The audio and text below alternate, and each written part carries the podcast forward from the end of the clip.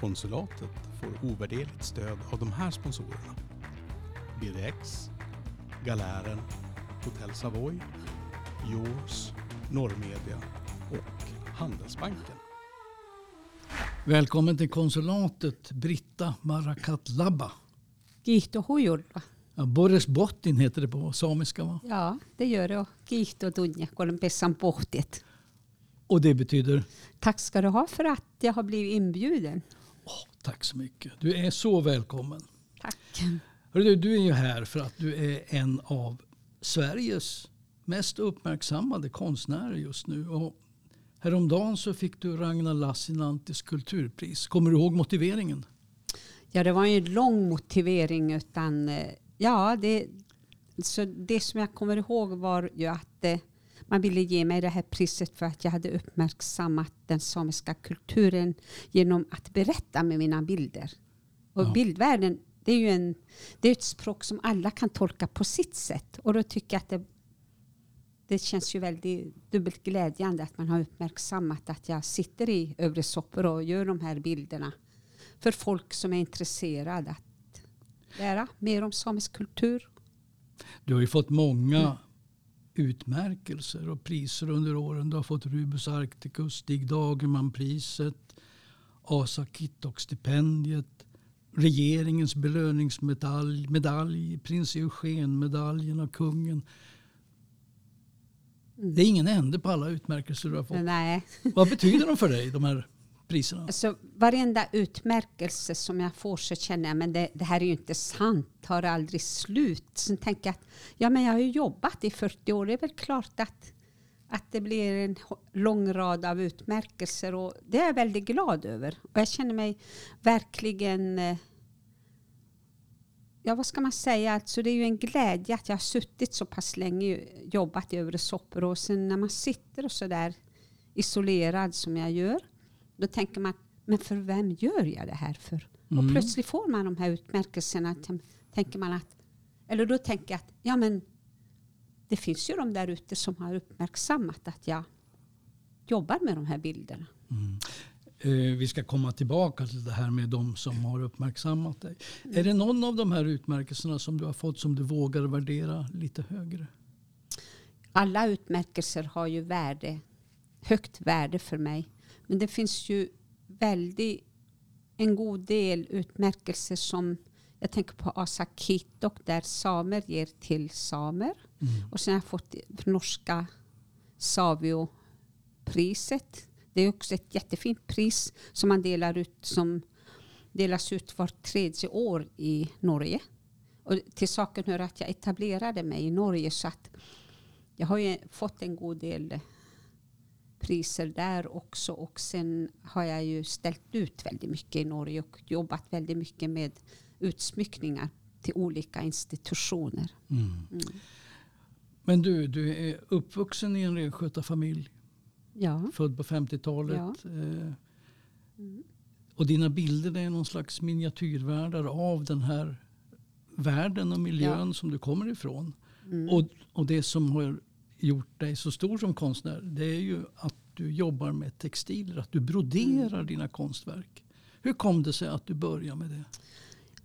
det var ju så här att eh, bilderna hade jag inom mig sen långt, långt tillbaka. Redan i min barndom så såg jag de här bilderna. För jag visste ju väldigt tidigt att jag ville hålla på med någonting med teckning. Men att det blev textil, broderi, det tror jag kan bero på det att jag har ju en textilbakgrund från mitt hem där det, man höll ju på med dodse, traditionell hantverk. Samiskt Så att jag växte väl upp med trå, nål och trådar och skinn. Och, men jag tänkte så här att vi är ju väldigt duktiga på att berätta muntligt för varandra. Och hur många berättar med bilder? Mm. Så att jag... Om jag säger så att det tog ju mig väldigt lång tid innan jag kom fram till att broderiet lämpar sig väldigt bra. Och det här var ju under min utbildning på HDK i Göteborg. När jag stod och färgade de här tunntunna garnerna. Och det har jag sagt många gånger tidigare. Då klack det till exakt. Jag, kom, jag, jag kommer att göra som målaren gör. Jag använder olika linnestrukturer. Och sen kan jag måla med nål och tråd eller teckna eller hur man nu vill uttrycka sig. Men jag berättar då mina miniatyrvärldar med broderi. Men just det här miniatyrvärldarna. För när man färdas i naturen så är det ju väldigt storslaget. Och vi är ju väldigt små i det stora hela. Så därför blir det som det blir. Fanns det några konstnärer på den här tiden som inspirerade dig? Eller hade du lärare som inspirerade dig åt det här textila hållet? Ja, först och främst måste jag s- eh, säga att när jag kom till, efter det att jag hade gått ut eh, samiska grundskolan i, i Gällivare så kom jag till Kiruna och där fick jag sån här enorm längtan att se bilder. Det var någonting som drog mig mot konsten. Av ren tillfällighet så gick jag runt i stadshuset i Kiruna och där hängde det en bild av Sten Kauppi, broderi. Och jag blev så fascinerad av denna konstnär så att jag tänkte men så där vill jag också göra. Men jag kommer säkert aldrig att bli lika duktig som Sten Kauppi. Och sen fanns det tre porträtter som jag målade. Som också inspirerade mig. Som eh, Fritz Sjöström hade målat. Också Kiruna-baserad konstnär. Och i, i de här porträtten såg jag det textila. Jag såg eh, textilt men i applikation. Och då gick jag på väv, vävutbildning i Kiruna. Så att jag gjorde en väv efter inspiration efter, efter denna Fritz Sjöström. Jaha. Och den hade jag på en utställning i Gävle så att jag har sparat den bilden. Så att, plus att, jag, att vi lånade in Fritz Sjöströms bilder så att det blev väldigt lyckat. Från den första inspirationsbilden till det senaste. När du tittar på konst idag, då, är det någon, finns det någon konstnärer, någon konst idag som är samtida som du tänder på? Ja, det finns det säkert, men just nu fladdrar det bara förbi. Alltså jag, jag har väldigt svårt att komma ihåg namn, men speciellt en. Eh, han är från Afrika som ställde ut, vi ställde ut i samma rum faktiskt på Documenta. Där han jobbar väldigt mycket med indigo. Han färgar in indigo. Och, och det, det kände att ja, men det är ju exakt mina färger. Han är en väldigt stor inspirationskälla till mig när det gäller att färga in indigotyger Okej. Olika strukturer på. Men sen finns det ju andra, andra, en god del andra konstnärer också som är duktiga och som kan inspirera mig. Hörru du, kort tillbaka till din, din uppväxttid. Eh, Du är uppvuxen med är det åtta eller nio syskon? Vi var ju tolv från början. Två gick bort när de var väldigt små. Två, två år, men en var nog sex år. Men sen var vi tio som växte upp. Men du förlorade din far tidigt. Ja, jag förlorade honom. Eller vi förlorade honom 1956 på julafton. Så jag var fem år. Och, och det där satte så djupa spår i mig. Just den här längtan och hela den där... Så jag, jag vet inte om det kanske gjorde att jag började att söka mig till att uttrycka mig med bilder. Och sedermera så skrev jag också dikter. Så att jag har skrivit dikter också från det att jag gick eller jag har väl alltid tyckt om att skriva alltså, sagor. Och, men just diktningen kom jag väl igång med när jag gick i sjuan. Jag har sparat alla dikter och sen har jag fortsatt att skriva också. Så att när jag var barn så klippte jag ut väldigt mycket bilder och sen skrev jag text. För, för mig var det ett sätt att berätta och också att läka hela den här sorgeprocessen. Har du kvar någonting av den här sorgebearbetningen? För jag tänker, Jo, du har ju ja. bland annat uppmärksammat Ja. din pappa bland annat med en, en bild som heter Du borde ha stannat. Ja, jag gjorde ju en bild, eller flera bilder egentligen. Du for, du borde ha stannat, sen kom färden. Det var mitt sätt att i vuxen ålder när jag väl kom fram till det här sättet som jag kunde uttrycka mig med på riktigt. Att jag kunde bearbeta den här längtan och, och eh, det här just att eh, hela den här processen med sorg som var jättesvår när jag var barn. För att på den tiden var det inte helt lätt att prata. Man, På 50-talet pratade man inte om någon som hade gått bort. Så var det ju. Du, när man är gäst hos konsulatet så har man ju betalt på ett sätt. Man får önska sig tre låtar. Ja. Och nu när vi pratar om din far som har gått bort så Ja. har du ju önskat en låt här som heter You will miss me. Mm. Vem är det som sjunger? Vem har ha- skrivit den? ja, det är Hanna Nutti som sjunger där. den och hon står för texten också. Hon är från Karesuando så att det är ju, hon är dotter till några som jag känner och hennes, eh, vad blir det nu, farfar. Och de fanns på samma ställe på somrarna där vi märkte kalvar uppe i Nordnorge. Ja. Så att det känns som dubbelt sådär. Jag tycker den texten är väldigt för mig är det väldigt mycket. Alltså för mig inspirerar det. Jag går tillbaka till min barndom. Alltså hon, man kan ju lägga in den här You will miss me when, you, when I'm gone på ol, olika sätt. Det kan ju vara någon far som har gått bort exempelvis. Det kan vara kärlek. Det kan vara kärlek. Mm. Det är så mycket som kan hända inom när någon plötsligt bara försvinner. Eller går ifrån dig. Eller, mm, Ska vi lyssna på Ja. Hanna Notti med You will miss me då? ja, Det gör vi. ja.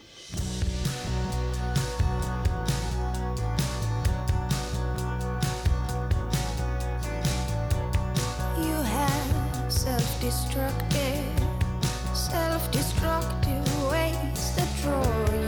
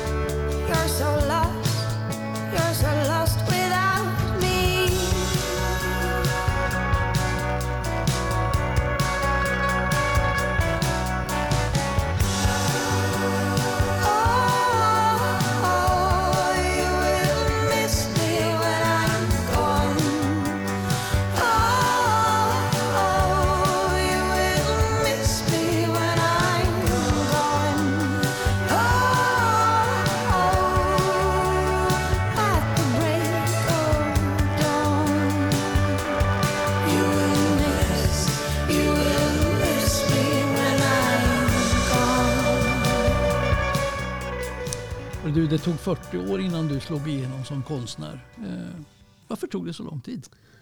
Ja, det kan man ju fråga sig. Om jag, om jag tänker så här att internationellt tog det för mig 40 år att slå igenom. Och det här är ju tack vare att jag fick äran att ställa ut på Documenta, ett av världens största konstutställningar. Med, med kuratorer från hela världen. Så att jag tror att det berodde på det. Men däremot om jag tänker så här nationellt så tänker jag att Sverige har varit dessvärre väldigt trög på att upptäcka min konst. Jag har, jag har ju aldrig gjort någon större utsmyckning genom Statens konstråd eller så. Men däremot Norge, där jag etablerade mig, för jag ingick i MASI-gruppen som vi startade 79. Just Och eh, där har man ju uppmärksammat mig och beställt. Jag har ju en god del utsmyckningar där över, alltså över, hela, mm. över Men- hela landet. Men egentligen, ditt stora genombrott i Sverige, det kom när vi i Sverige förstod att du har brakat igenom utomlands. Ja, då blev det fart på alla kuratorer och eh, museer och gallerier. Och plötsligt så upptäckte man att jag fanns. Det var ju en, jag behöver inte nämna namn, men en som jobbar på en av våra större institutioner som CEF som sa att jag skäms men jag har aldrig hört talas om dig. Det finns eh, gallerister också som har fått lite skit för att de har tagit in dig. Ja, jag har ju en gallerist i Stockholm som jag tycker är toppen gallerist. Och när hon skulle ställa ut mig det här var tre år innan Documenta. Då fick hon skit för att ska du bli en hemslöjds eh, ja, för, ja, utställnings... Eh, Hemslöjd är, väl- hemslöjd är väl ingenting? nej, Nej. ungefär så. Ja, hade hon sagt, nej men jag, jag har jobbat så länge med bilder, jag tror på den här tjejen. Jag tar in henne som i, i mitt stall då. Och det har hon ju aldrig behövt ångra. Nej, jag Utan- förstår det. För hon, eh, det är nästan tvärtom nu. Att de som slängde skit på henne, de är nästan avundsjuka på henne. Att hon, att hon eh, tog in mig så pass tidigt. Dina bilder de, de handlar ju mycket om, om, om dig och den miljö som du kommer ifrån. Din samiska miljö, den Mm. Samiska kulturen, samiska frågor och så vidare. Och på senare år så har ju samer och samiska frågor fått allt större utrymme i kultur och samhällsdebatten. Och, tror jag än någonsin tidigare, åtminstone under Ja. mitt liv. Vad beror det här på? Först och främst så vill jag säga att det är ju på tiden, för vi finns ju här. Och vi har ju funnits här i, sedan urminnes tider. Nej, men jag tror att det beror på att eh, om man tänker på svensk kulturliv, att det är så, allting är så centraliserat till Stockholm, märker jag. Jag menar, Sápmi, Norrbotten, vad är det? Men det, på senaste tiden har man varit tvungen att blicka norrut också. Mm. Till och med så nämner man när det gäller väderlek Kiruna och det har man ju aldrig gjort tidigare. Bara en sån sak. Så att allt hänger ihop. Och jag säger ju att det, det har ju tagit väldigt lång tid men min önskan är att det här inte är någon modenyck. Att det dör efter. För det vet vi. Är du rädd för det? Ja, det är jag. För vi vet hur konstens värld är. Konsten är ju väldigt så här baserad på trender. Mm. Och, och det vet man inte. Det kanske plötsligt bara dalar. Men vi finns trots allt här. Och jag kommer ju fortsätta jobba oavsett om det dalar eller ej. För, för mig är det ju så pass viktigt att jobba med de bilder jag gör. Att delge den berättarvärld som jag har fått genom min, min, dels genom min mamma, farfar och det här med just det här berättandet. Den har varit så central i vår familj. Och väldigt mycket mytologi också, in, mytologiska Jag berättelser. tänkte vi ska komma dit alldeles strax. Alltså Ja. du, du tecknar, målar, arbetar med grafik, eh, skulpterar. Men det är ju som tex- textilkonstnär du har fått ditt stora genom, Ja. konstnärliga genombrott. Och du har kallats en mästare på att berätta med stygn. Mm. Alltså du broderar de här berättelserna Mm. som du pratar om. Mm. Eh, I den här bibliografin som du har gett ut, Broderade berättelser, där säger du att jobba med broderi är som dagboksanteckningar och, det här är fint tycker jag, långsamhetens estetik. Ja. Vad, vad menar du? Hur tänker Så du? först, först och främst är det så att jag berättar. Och det är klart, då berättar jag varje dag. Och då blir det en form av dagbok. Men när jag berättar med stygn så tar ju varje blad, tar ju, det är inte som att skriva ner bokstäver i tom ark. Jag börjar med tom ark men då handlar det om linne, linnematerial Mm, linneduk. linneduk. Och det är ju det som är långsamhetens estetik. Från det att jag sagt första stygnet så kan det ta flera, flera, flera dagar innan den här dagboksanteckningen är färdig. Men du vet vad du ska göra Ja. för bild. Alltså nu är det så här att jag, när jag berättar med mindre bilder så berättar jag har, jag har egentligen bilden färdig i huvudet. Men, så jag jobbar fritt. Men däremot om jag ska presentera större jobb, beställningsverk, då måste jag prestera en skiss. Och där måste jag berätta att just det här, det är mitt samiska arv för att när vi syr traditionella kläder, skor, handskar, då har vi aldrig haft mönster som vi har klippt efter. Utan man har måttat hur personen ser ut. Och det där är ju en konst Ja. att kunna göra det. Och på samma sätt jobbar jag med bilder att jag har ingen färdig skiss utan jag jobbar, jobbar tills jag märker att och sen testar jag och sen märker jag att ja, men nu är den färdig. Gör inte mer för då överarbetar du bilden. Är, det som, eh, är det något meditativt över att brodera? Väldigt. Så jag, jag, jag har tänkt nu när vi haft pandemin att eh, fler skulle ha fått jobba med sina händer. För då mår man, jag mår väldigt bra när jag får sätta mig ner och jobba med mina bilder. Jag glömmer bort tid och rum. Eh, utan jag finns bara, jag lever med broderiet, med bilden. Och det ger ju en väldigt mycket, man, det är en form av rofylldhet som fyller dig. En glädje. Så att sen när man är färdig med bilden så brukar jag faktiskt vara nästan eh, euforisk för att nu har jag klarat att göra den här bilden som jag har jobbat med i flera, flera veckor. För det händer ju också att man jobbar med en och samma bild i flera veckor. Du verkar ha ett eh, väldigt skarpt sinne för detaljer också. Är det så? Jag, jag tänker på att någon gång läste jag att du när du var liten flicka så inspirerades du av små snigelspår i kåtans duk. Yes. Och då tänker jag, det är fantastiskt att, den, Mm. att man kan fascineras Ja, av alltså man, vi plockade ju sniglar och satte vi upp dem ut med ett kåtans duk. Mhm. Och sen gjorde de här sniglarna spår. Ja. Och det bildade ju väldigt vackra mönster. Mhm. Och sen har jag faktiskt sett en som har jobbat med snigelspår. Jag vet inte om han eller hon blev inspirerad av mitt sommarprat eller, eller samlade sniglar och gjorde den här konsten som vi höll på med när vi var barn. Vi hade ju bara naturens egen, eh, egna material att ta till kol från eldstaden som vi tecknade med och sen kunde vi plocka daggkåpor. För oss blev det en hel ballett då. Och just det här med sniglar. Snigelhuset var ju väldigt fascinerande. Spåren som sniglarna gjorde. Allt det där, det, det hade vi Mm. i när, närområdet då, eller närmiljön att ta till.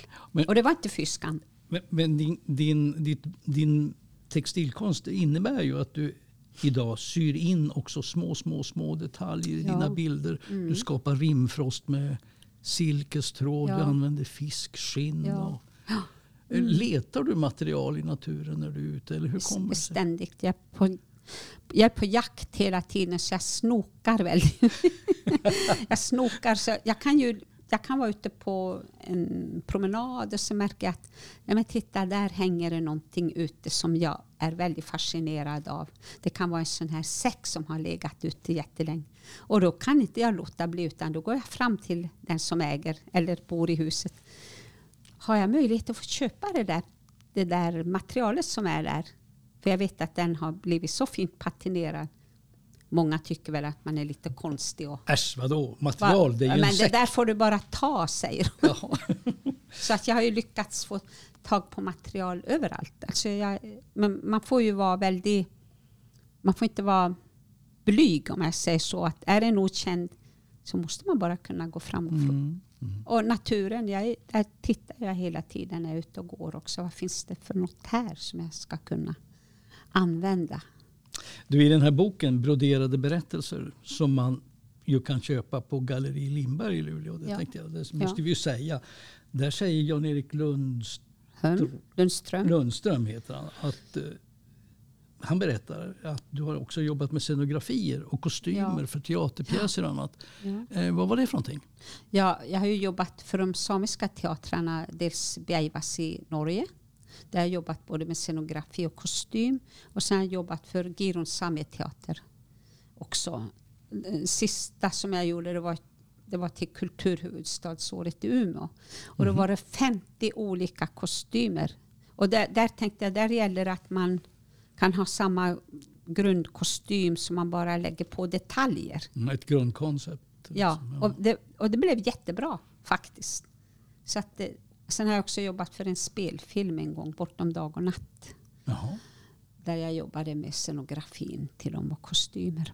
Så, det, så jag har nosat på den biten också. Är det svårt att ge sig in i såna här, på sådana här nya oprövade Ja. domäner? Jag kommer ihåg att eh, första gången jag jobbade med teater det var väldigt jobbigt eftersom plötsligt var jag tvungen att jobba med team. Mm. Från att ha bara jobbat med ensam mitt. Ensam. Mm. Så jag hade jättesvårt liksom att lyssna på folk, deras mening. Men samtidigt var det ju väldigt lärorikt. Oerhört. Mm. Du, eh, önskelåt två. Isak, vem är det? Så det är en grupp som finns i Norge. Och eh, där har jag då önskat Mace. Eftersom vi bildade 79 Masi-gruppen, konstnärsgruppen. Och eft- eftersom åren har gått så har jag upptäckt att vi gjorde ju någonting väldigt bra för den samiska konsten. Och det som skulle komma. Så att eh, Det här blir en liten hyllning till det. Ja, jag tycker det. att, att det Så ska det vara. Mase. Alltså byn Masi då som skulle däm, alltså när Altaälven skulle dämmas så skulle byn Masi hamna under vatten. Det är den. Okej, nu är jag med. Ja. Då lyssnar vi. ja.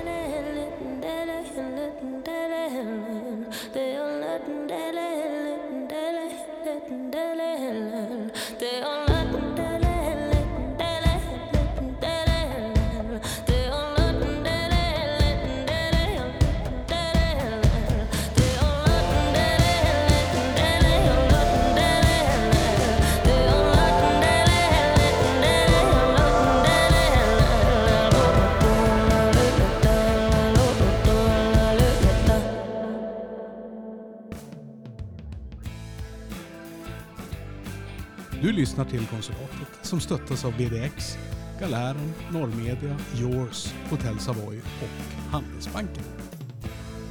Den samiska kulturen med urfolkens ställning, renarna och myterna. Och så här, det återkommer ju ständigt i dina bilder. Eh, och ibland med tydliga politiska budskap. Jag tänker på en av de mest kända bilderna och kanske den som gjorde att du fick ditt riktiga genombrott. Kråkorna. Ja, Kråkorna gjorde jag ju 1981. Det är ju över 40 år sedan. Eller 40 år sedan exakt nu i år. Och den, eftersom jag stod på barrikaderna under Alta älvs demonstration. Och när jag kom därifrån då var jag rejält förbannad. Och sen kom jag på att min mamma hon pratade ofta, hon satte oftast politiskt koncept in i sina berättelser. Typ kråkorna. Då sa jag, men kråkorna, det är som överheten. De hackar ju aldrig sönder ögonen på sina egna utan de går på de mindre. Och, eh, och slänger ut mat till kråkorna. Och du vänder bara så här kort ögonblick ryggen till. Där är totalt rent där. För, det kanske ska, vi- ska vi mm. berätta för lyssnarna att, att det här är en mycket dramatisk textil. Alltså det är demonstranter som vägrar acceptera norska statens beslut att bygga ut Alp- Altaälven. va. Och demonstranterna har kedjat ihop sig utanför kåtorna och de ser upp mot himlen och där kommer en massa kråkor Ja. flygande. Men när de landar så förvandlas de till Ja, poliser. successivt till poliser. Mm. Är du en politisk konstnär? Ja, jag vill kalla mig för egentligen allt jag gör. Man tänker så här textilt, det ser så vackert ut. Men tittar man väldigt nära då ska man upptäcka den här politiska delen i det också. Det här med utbyggnader av älvar, eh, gruvprospektering eller mineraljakt. Och, och på senaste, eller jag, jag kan säga så här, över tio års tid har jag jobbat med miljöbilder också. Just det här isarna brast. Eh, just det här med klimatförändringar. Och, så att jag kallar mig för politisk konstnär. Och du, Mm. du opponerar dig mot liksom civilsam, eller samhällsutvecklingen idag. Att den tränger in på de samiska markerna.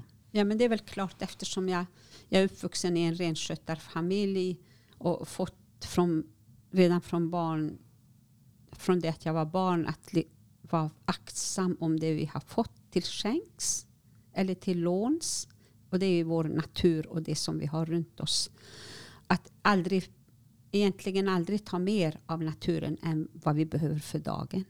Och sen jag är gift med en renskötare. Både mannen och sonen jobbar inom det. Så att det är ju väldigt viktigt för mig att värna om naturen. Är det någon slags vad ska man säga, är det någon slags mission för dig också att, att med din konst och dina politiska budskap försöka råda bot på okunskaperna om den samiska historien och liksom samernas ursprungsbefolkningens levnadsbetingelser? Är det någon mission du har? Ja, kan man kalla det för mission? På ett sätt så blir det ju det eftersom jag jobbar med de bilder jag gör. Och, eh, och det är klart att där vill jag ju förmedla det som händer idag. Mm. Och då blir det en form av mission. Mm. Men, men genom det tysta språket, bildkonsten. En, en annan, en annan ska vi säga, känd tavla det är den här Tr- Tromsöfrisen som är 24 meter lång. Det är ett långt Mm. broderi alltså, Ja. som hänger på Troms universitet. Ja. Jag har inte sett den själv annat än på bilder i, i böcker. Men berätta om den. Hur kom det sig att du skapade just den här enorma Ja, nu, var det, nu var det så här att jag fick, blev tillfrågad av KORO, det är som våran statens konstråd. Ja.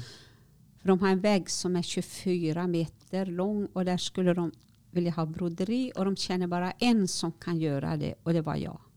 Så då blev jag tillfrågad om jag kunde jobba med den här, en idé, idéförslag till den. Mm. Och då tänkte jag 24 meter, det låter som väldigt, det är ju mycket, det är ju många metrar. Men jag, jag tänkte okej, brodera det kan jag i alla fall. Men nu gäller det för mig att eh, få ihop en skiss där jag berättar just om hela händelseförloppet. Starta från höger med urskog. Vad finns i skogen? Skogen är besjälad av, med våra samiska gudinnor som Det- delar med av sin visdom Mm. till människan. Och sen ur skogen kommer alla de här djuren som vi har i arktiska området. Och sen plötsligt dyker det upp ett, ett gäng ski, eh, människor på skidor. Och då tänker jag, går jag tillbaka, man kallar det, alltså när man läser gamla böcker så står det skrivfinner, ungefär de skidåkande samerna. Mm. För skidan är ju ursprungligen samisk påfynd. Mm. Och, och då kommer ju det här med renrajd in. Alltså, sam, de upptäcker att renen kan man ju tämja. Ur, ur renen kan man ju få väldigt mycket dels mat och man kan få material till slöjdandet. Och, så då kommer den, hela den här långa rajden. Men ju mer tiden går så kommer vi in i den här nya samhället med skotrar och hela den biten. Och sen vad finns det? Samer är inte bara renskötande samer. Och där kommer man in på, vi har inte fått läsa om vår egen historia. Alltid när vi flyttade till Norge då fanns det ju sjösamer och de kunde samiska. Och våra föräldrar sa att men det är människor som är så språkbegåvade. Ingen hade berättat för dem att det här är sjösamer. Och de Mm. lever vid havs, alltså hela kusten, nordnorska kusten. Och sen har vi jordbrukssamer, så de bitarna tar jag också in. Mm. Och sen kommer den poli- stora politiska händelsen 1851, Kautokeino-upproret.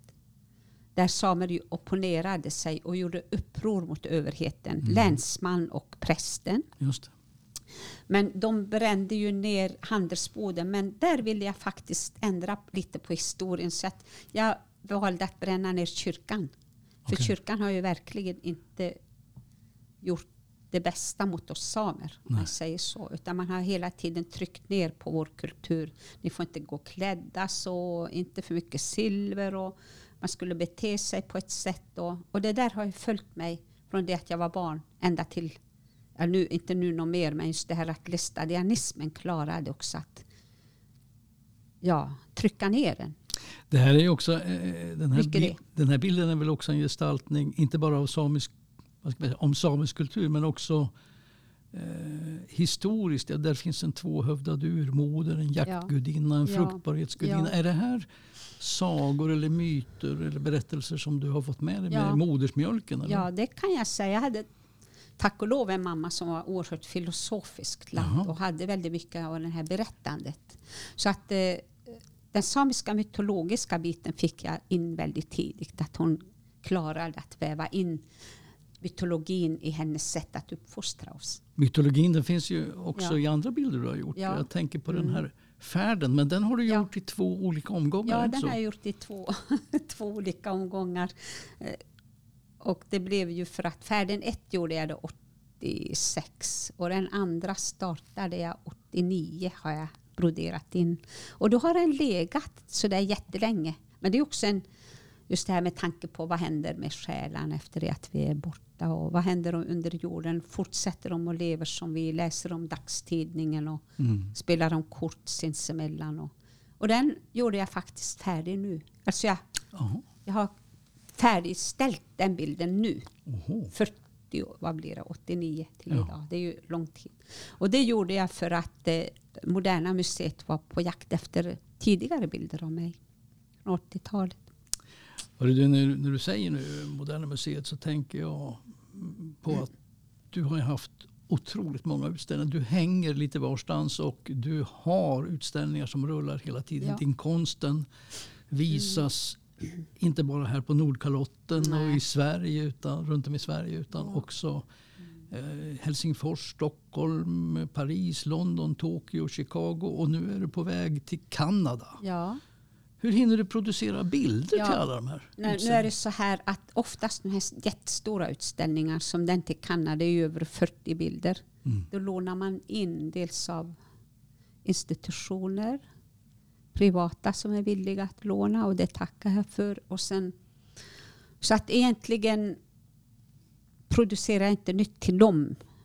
Utan det, då är det kuratorn som plockar ihop bilder och Okej, så som har gör, ett jättejobb. Alltså. du gör ingenting nytt till de här Ja, egentligen turnéer, har jag turnéerna? jag har ju några nya, faktiskt elva verk som är i min privata ägo som ska vara med. Jaha. Och då är det skulpturer och textilier.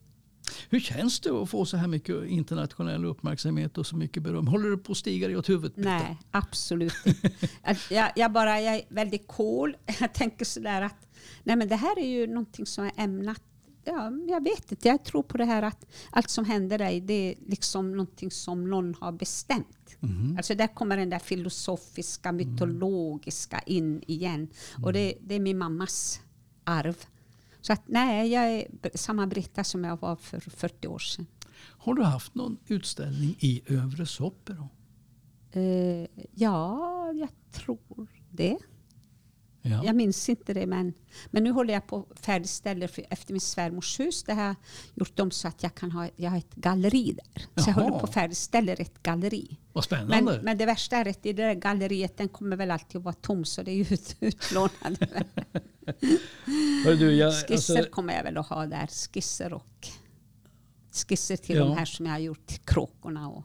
Men jag måste passa på att säga att, att eh, jag valde att göra en eh, vad heter, replik av kråkorna. Jaha. För att till slut så visar det sig att de vill gärna inte låna ut den för den har varit på så mycket på Turné. den har lånats, turnerat runt. Så jag tänkte då gör jag en replik och det får jag som konstnär göra. Men jag ändrade den lite. Jag, när jag studerade gamla bilder från Alta demonstrationer märkte att vissa hade flaggor. Den flaggan såg inte ut som den samiska flaggan ser ut idag. Så då broderade jag på ett ställe in flaggan. Så nu har jag trip, nej inte triptyk men replik på den. Okej, Och den kommer jag inte att sälja utan den vill jag ha som Den hemma ha. i mitt galleri. det vill du ha själv. Mm. Hörru du, att du tog dig tid att komma hit till konsulatet det är ju en jätteynnest. För jag vet att eh, Sveriges Television springer hack i häl på dig med kameror. För de håller på att Ja. spela in en dokumentär om dig Ja, och om ditt Ja. liv. Och den ska ju sändas i svensk television i februari va? ja, så är det tänkt. Och sen kommer den som biofilm också på en och en halv Mm. timme. Ja. Mm. Eh, Den, Hur- här, den här har vi ju startat för över två år sedan. Så att ja. ibland det blir det väldigt intensiva perioder. Men nu är vi färdiga. Jag tänkte fråga om det. Alltså det här är är ett stort projekt. Det är jättestort och det, det har verkligen tagit väldigt lång tid. Kommer vi som tittare att få veta någonting nytt om dig, Britta? Ja, det hoppas jag. det vet jag inte hur man klipper. eh, Klipp, det är ju klippningen som avgör. Men man, jag har sett första delen av det som är klipp, färdigklippt. Det ser bra ut. Du är nöjd. Och sen blir det Ja. speciell, eh, lite speciell musik i den här. Därför Ja. att Georg Börjo har skrivit någonting till dig. Ja, Georg Burjo har ju skrivit en bit. Som heter Eh. på samiska. Vad heter Var det den? inte att flyga någonting? Va? Girdelin. Girdelin. Ja, Girdelin. Alltså flyga iväg. Att flyga iväg.